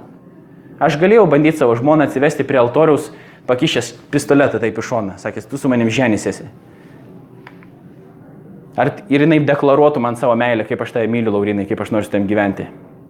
Mes žinom, kad čia būtų nesąmonė, dėl to aš nei vieno žmogaus negaliu atversti ir priversti patikėti Dievu kažkokiais gudriais savo argumentais ar dar kažkuo. Net Dievas to nedaro, jis duoda, jis duoda pasirinkimą, ar žmogus nori atsakyti Dievo kvietimą ar ne. Kitas klausimas, ar bausmė nėra per žiauri, sakykim, tas amžinas atskirimas nuo Dievo, kur yra patiriama amžina kančia tada, jeigu tu esi atitrūkęs nuo to e, gyvenimo šaltinio. Kaip laikinas nusižengimas gali turėti amžinas pasiekmes? Juk aš padarau laikiną nuodėmę kažkokią, kaip aš dabar galiu amžinai kentėti dėl to? Atsakymas yra toks, kad visų pirma, mes žinom, kad turint omeny, kas yra nuodėmė. Nuodėmė pagal krikščionišką terminiją yra nepataikymas į taikinį, hamartyje. Tai reiškia, kiek trūksta iki centro, iki dešimtuko, tai yra nuodėmė, tas atstumas, trūkumas. Ir nei vienas iš mūsų kiekvienu savo gyvenimo momentu nepataikom tobulai į taikinį. Klausimas, ar nors kartą esam tobulai pataikę į taikinį. Tai reiškia, būdami tiek savo mintimis, tiek savo darbais, tobulam standartė visą laiką. Tai didžioji, kaip sakykime, nors labai mažai žmonės nori to patikėti, labai mažai žmonių nori to tikėti, nes dauguma galvo iš tikrųjų, kad jie iš, iš principo pakankamai geri. Mes darėm tokį tyrimą su Agapė, tokia organizacija, kur prieš tai dirbau Myklo Romerio universitete ir Vilniaus universitete, kur prašėm žmonių įvertinti savo gerumą studentų nuo 0 iki 10. Spėkit, koks buvo vidurkis žmonių, kaip jie galvojo, kokį gerumo skaliai, kiek jie yra. Taip, buvo apie 8,4-8,7. Reiškia, pusantro balo iki tobulybės jiems trūksta, iki to, kad būtų dievais. Žmonės, na, nu, o kai klausia, o kas tada yra blogiausias, nu, Hitleris daug maž blogiausias, ten geriausia motina Teresė, tai aš nieko nežudau, liktai nevagiu, nors nesvarbu, kad vagiu nuolat siūsdamasis nelegalius filmus iš torentų, bet toliau to, to, to nedarau, ta prasme, labai daug dalykų nedarau, reiškia, aš esu pakankamai normalus žmogus, nu, kartais ten esu mamai pasakęs negražų žodį, tai gal, nu, minus pusę balelio, dar kažką esu padaręs, nu, gal dar truputį. Tai iš tikrųjų mūsų yra problema, kad mes galvom, kad su mumis yra viskas gerai, mums nereikia, kad mumis kas nors išgelbėtų. Mes dar truputį, oba, ir pusantro balo ir mes busim tobulybė, mums ne Dievo nereikia. Jis dar drįsta kažkam atsakyti, aš pats nueisiu ten, kur man reikia, koks dar Dievas man paaiškins, ką man reikia daryti. Bet mes, jeigu mes įmam tą krikščionišką konceptą, kad pataikyti tobulai taikinį, visą laiką, kiekvienu savo gyvenimo momentu, tai mes nesugebam to padaryti. Tai reiškia, mes neturim vienos kažkokios nuodėmėlės mažos, mes nuolat nepataikome taikinį. Kitas dalykas yra, kad yra įmanoma, ne tik, kad įmanoma, bet yra logiška taip manyti. Pažiūrėkite ten, nežinau, ar ten neišsijungia dar niekas. Uh, jeigu galima, neįsijungia. Kai pomirtinėme gyvenime, nes mes vadinam tai gyvenimu, teisės į gyvenimas. Vadinkime tą vietą pragaru, sakykime, tą, kurioje yra žmonės, nu, sakykime, pragaras ta, ta vieta, ta būsena, kurioje yra žmonės, kai jie yra atsiskyrę nuo Dievo. Ar jie toliau nusideda ar ne? Ar jie tiesiog gyvena neutralioj būsenai? Akivaizdu, kad nusideda toliau, nes nusidėjimas toliau nepataikyti į taikinį. Kodėl mums reikėtų manyti, kad pragare esantys žmonės tada jau kažkaip tada pradeda tobulai gyventi? Įvairių pamastymų galite paskaityti C.S. Lewiso kūrybai. Pavyzdžiui, um, Didžiosios skirybos yra tokia knyga. Apie tai jis įrašo kaip hipotetinė situacija, istorija, kad žmonės yra važiuoja į ekskursiją iš pragaro į dangų, juos ten paleidžia ir sako, jūs galite pasilikti, jeigu norite ir nei vienas iš jų nepasilieka, surasdami įvairių, įvairių pasiteisinimų. Vienas sako, aš atsidūriau pragarė neteisingai, neteisingai, Dievas yra neteisingas, aš buvau pakankamai geras žmogus, kaip jis įdryso ten mane. Sako, ne, nesvarbu tai, jį ten bando įtikinti, nesvarbu tai, dabar tau yra šansas, tu gali pasilikti. Ir jis tada toliau putoja ant Dievo ir, ir grįžta, sėda atgal į autobusą. Kiti net į tą autobusą neįlėpa, nes stumdosi prie to autobuso ir spardo viens kitą ir kiti susinervuoja, sako, aš net nelipsiu į tą autobusą ir panašiai. Tai toj pomirtiniai būsenai pragare žmonės ir toliau nusideda, toliau kraudami tą nuodėmių saiką. Taip yra, nes toliau nužmogėja, vadinkim taip. Ir paskutinis dalykas, kuris galbūt čia svarbiausias, kad amžino ir tobulo Dievo atmetimas nusipelno amžinos bausmės, nes Dievas yra tobulas, Dievas yra amžinas ir jeigu tu atmeti jį, amžinai tu atsave atskiri nuo to amžino gyvybės, gėrio, grožio, teisingumo šaltinio, tai tu patiri amžinas pasiekmes. Kodėl mums reikėtų galvoti, kad dar po mirties galima padaryti kažkokį, žmonės persigalvos kažkokiu būdu? Taigi Dievas, mes turim kitokį požiūrį, mes gyvenam laikę, Dievas turi kitokį požiūrį laiką, jisai žino, kaip kas bus. Toliau. Kaip dėl tų, kurie niekada negirdėjo Evangelijos, ar nėra neteisinga, kad jie įsipragarą? Ką daryti su tais, kurie negirdėjo? O jeigu būtų išgirdę, gal būtų buvę kažkaip kitaip. Jeigu jie būtų gyvenę Lietuvoje, jeigu būtų atėję į Reasonable Face sustikimą, Laurinas būtų papasakojęs, tada būtų jie kritę ant kelių, ašaroja ir priėmė Dievą iškart, nes čia toj pat taip ir bus. Pirmas dalykas yra tai, kad mums reikia atkreipti dėmesį, kad Dievas teisė visą laiką teisingai. Jisai atsižvelgia į tą apreiškimą, kurį žmogus gavo konkretus. Yra toks dalykas kaip bendrasis apreiškimas.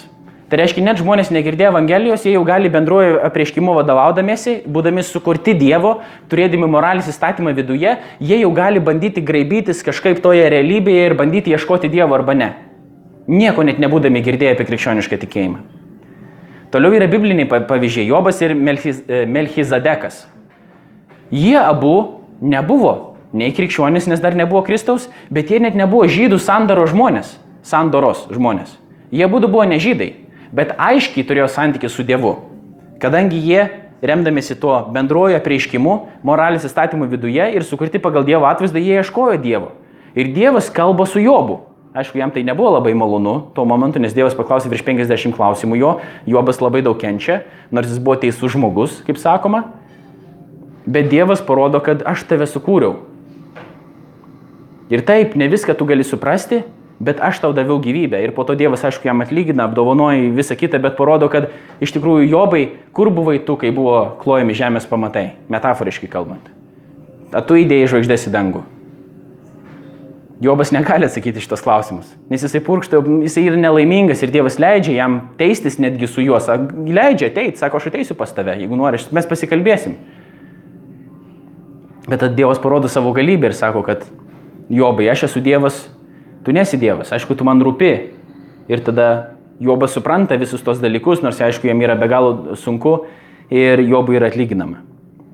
Bet romiečiams laiškiai yra vėl parašyta taip, kad dėje savo iškėtėjimu ir net gailončių širdimi pats savo kaupi rūstybė, rūstybės dienai, kurią priekš Dievo teisingas teismas. Jis kiekvienam atmokės už jo darbus tiems, kurie ieško šlovės, garbingumo, nemirtingumo ištvermingai darydami gerą, amžinuoju gyvenimu, o išpuikėliams, kurie neklauso tiesos, bet yra pasidavę neteisumui, pykčiui ir rūstybė. Tai pirmiausia, mes galim galvoti ne apie tai, ar žmogus girdėjo Evangeliją ar ne, bet jau Dievas yra vien sukūręs žmogų, Kai jau tik sukuria žmogų, žmogus ateina į pasaulį, jis jau turi pakankamai sąlygų apgraibomis, ir mes dar vieną eilutę apie tai uh, skaitysim, apgraibomis ieškoti Dievo ir Dievas duos pakankamai ženklų patraukti arčiau savęs. O kaip dėl tų, kurie atmetė bendrąją prieškimą, bet būtų patikėję Evangeliją, jeigu būtų ją išgirdę? Kodėl jiems nebuvo pristatyta Evangelija? O kodėl Dievas sukūrė pasaulį, nors žinojo, kad bus daug atmetančių Evangeliją ir dėl to einančių į pražūtį? O kodėl Dievas nesukūrė pasaulį, kuriame visi patikėtų Evangeliją ir būtų išgelbėti? Na, pažiūrėkim. Dažnai pluralistas, vadinkim šitą žmogų, taip hipotetinis, sako, sako taip, kad šitie du teiginiai negali būti teisingi vienu metu. Dievas yra visa mylintis ir visa galis, bet kai kurie žmonės niekada neišgirsta Evangelijos ir eina į pražūtį. Tai reiškia, negali būti ir tai, ir tai tiesa. Jeigu Dievas yra mylintis ir visa galis, negali būti tokių žmonių, kurie neišgirsta Evangelijos ir po to eina į pražūtį. Kaip taip įmanoma? Jeigu Dievas yra visa mylintis ir visa galis, jis išgelbė visus ir visada. Paslėptos prielaidos po šitų klausimų yra tokios. Po šitais prieštaravimais, tiksliau, yra tokios kad jeigu Dievas yra visagalis, jis gali sukurti pasaulį, kuriame visi išgirsta Evangeliją ir išgelbėti.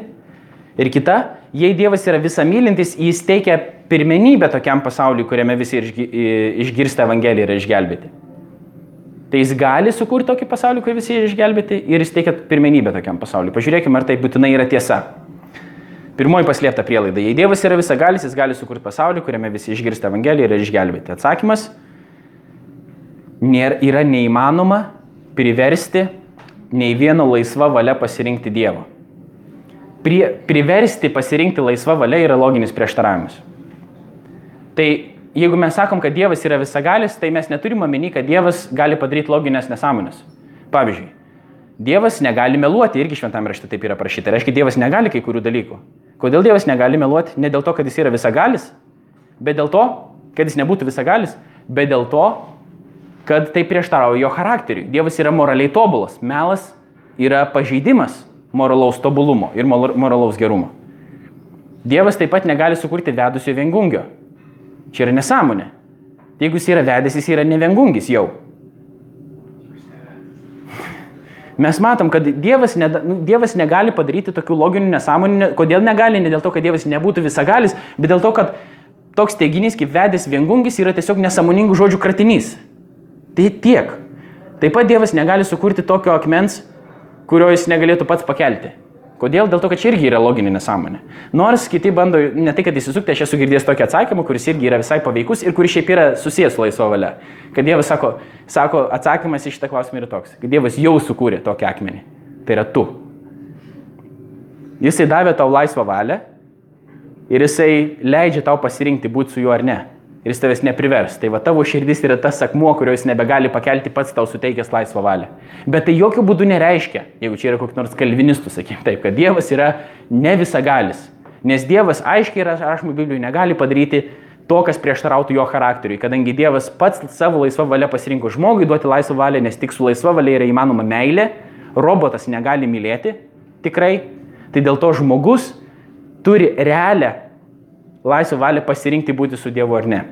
Mes aišku neturim absoliučios laisvos valios kaip kad Dievas. Mes nepasirinkom nei kaip atrodysim, nei kur gimsim, nei kada gimsim, nei kokie bus mūsų tėvai. Mes esame nuodėmės valdžioje, tas irgi riboja mūsų laisvę, bet mes turim pakankamai laisvos valios, kad būtume moraliai atsakingi už savo pasirinkimus.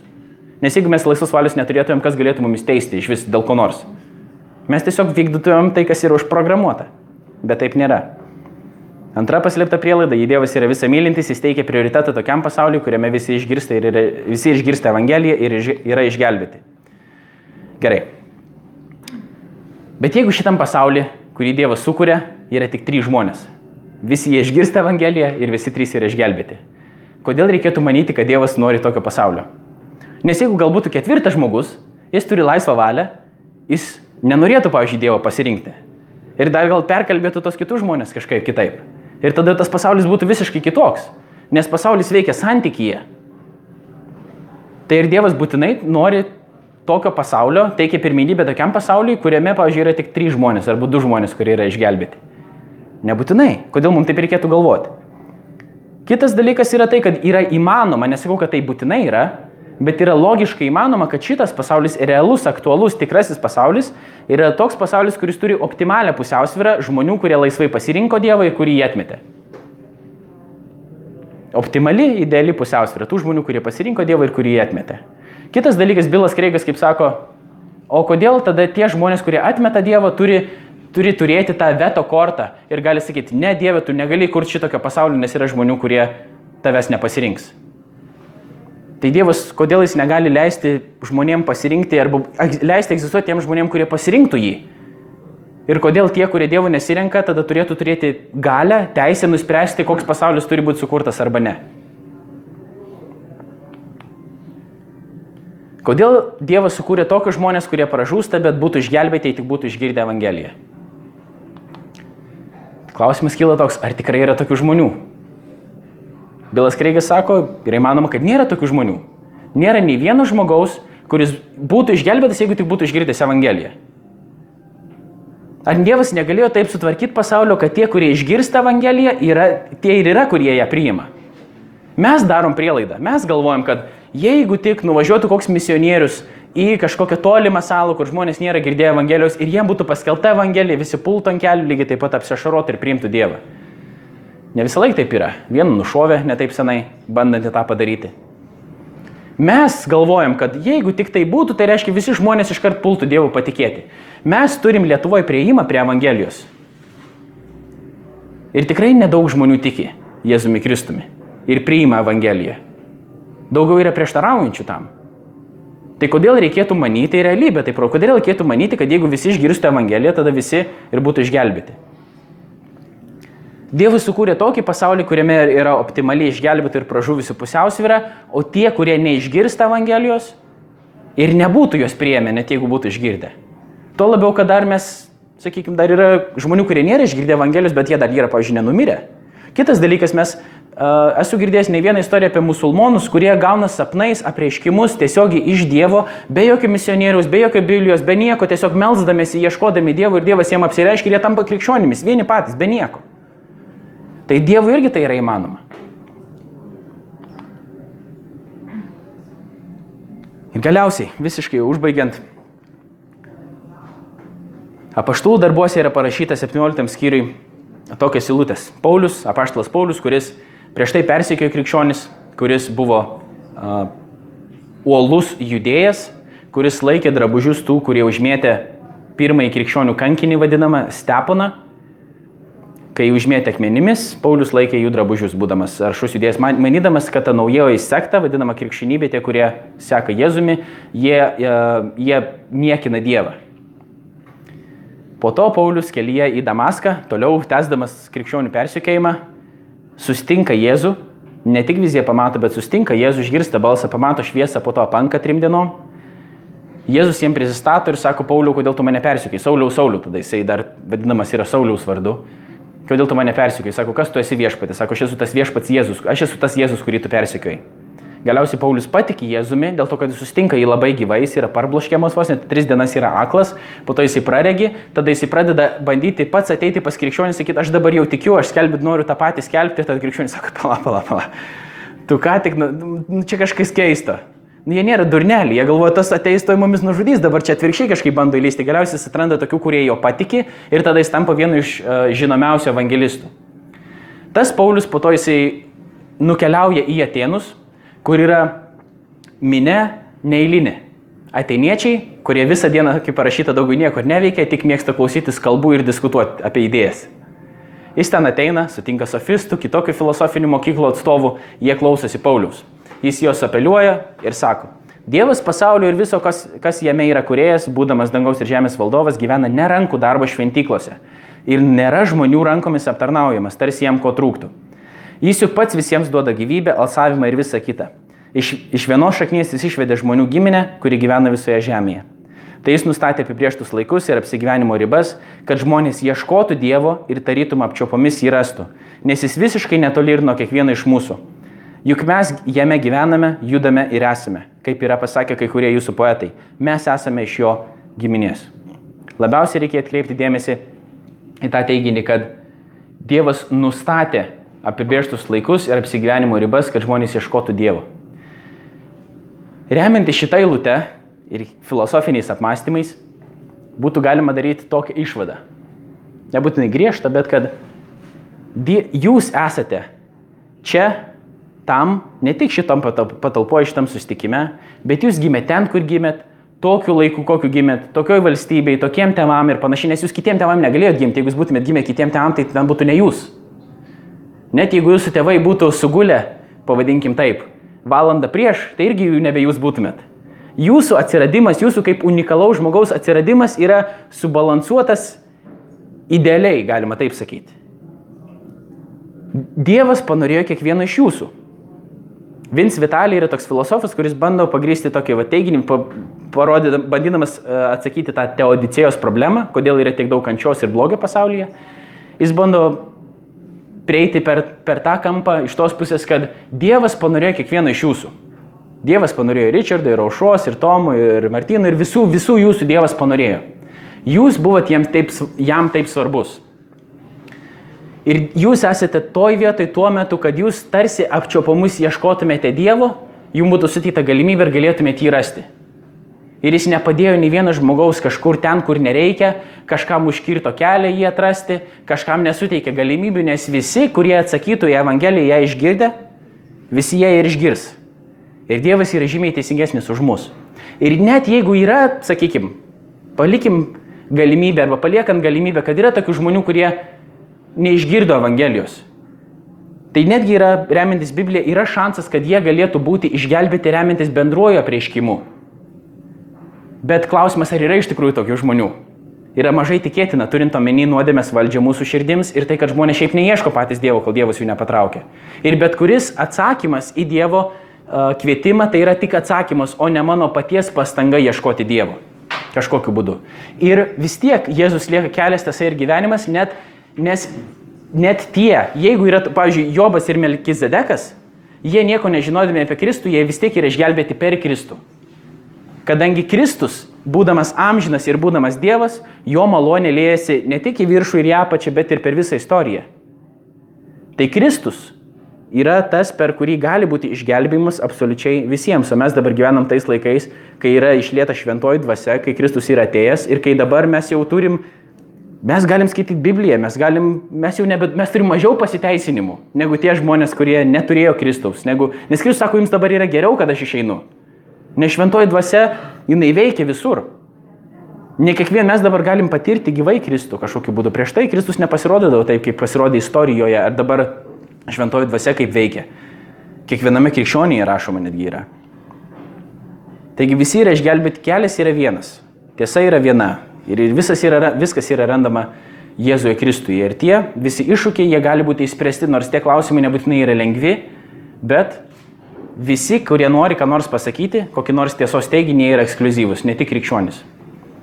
O Jėzus, kaip sakė Kirkegoras, Sorinas Kirkegoras, kuris buvo, vadinkim taip, aršus krikščionis, labai nepatenkintas buvo nominalia krikščionybė, jis norėjo padaryti krikščionybę kuo sunkesnė, ne kuo lengvesnė. Kad jeigu žmogus jau tik Jėzumi Kristumi, kaip jeigu jis pamato Jėzų Kristų, jis tada sako, arba aš tai prieš tave pulsiu ant kelių ir tave, tavim seksiu, arba spjausiu tavo veidą ir tave nukryžiuosiu.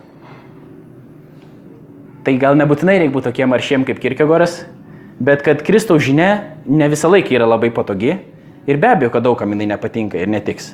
Bet jeigu jinai yra teisinga ir, daug, ir yra žmonių, kurie jinai, ne tik, kad mano, kad yra teisinga, bet kad jinai yra graži, išskaitant ir mane. Nors atrodytų koks tas grožis ant kryžiaus, kur yra pilna kraujo, kur yra nukryžiuotas Dievas žmoguje. Bet ant kryžiaus išliejama ir Dievo meilė, ir įvykdomas Dievo teisingumas. Tai aš tikiuosi, kad tai, ką šiandien galėjom apžvelgti, buvo jums naudinga, buvo atsakyti kai kurie iš jūsų klausimai, aišku, čia viskas dabar šitoje vietoje nesibaigia.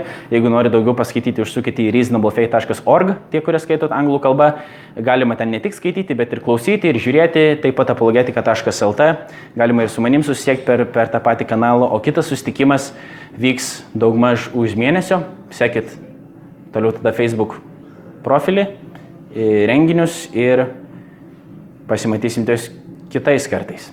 O dabar, jeigu dar turit kokį nors klausimą, turim kelias minutės, galim pabandyti atsakyti į kelis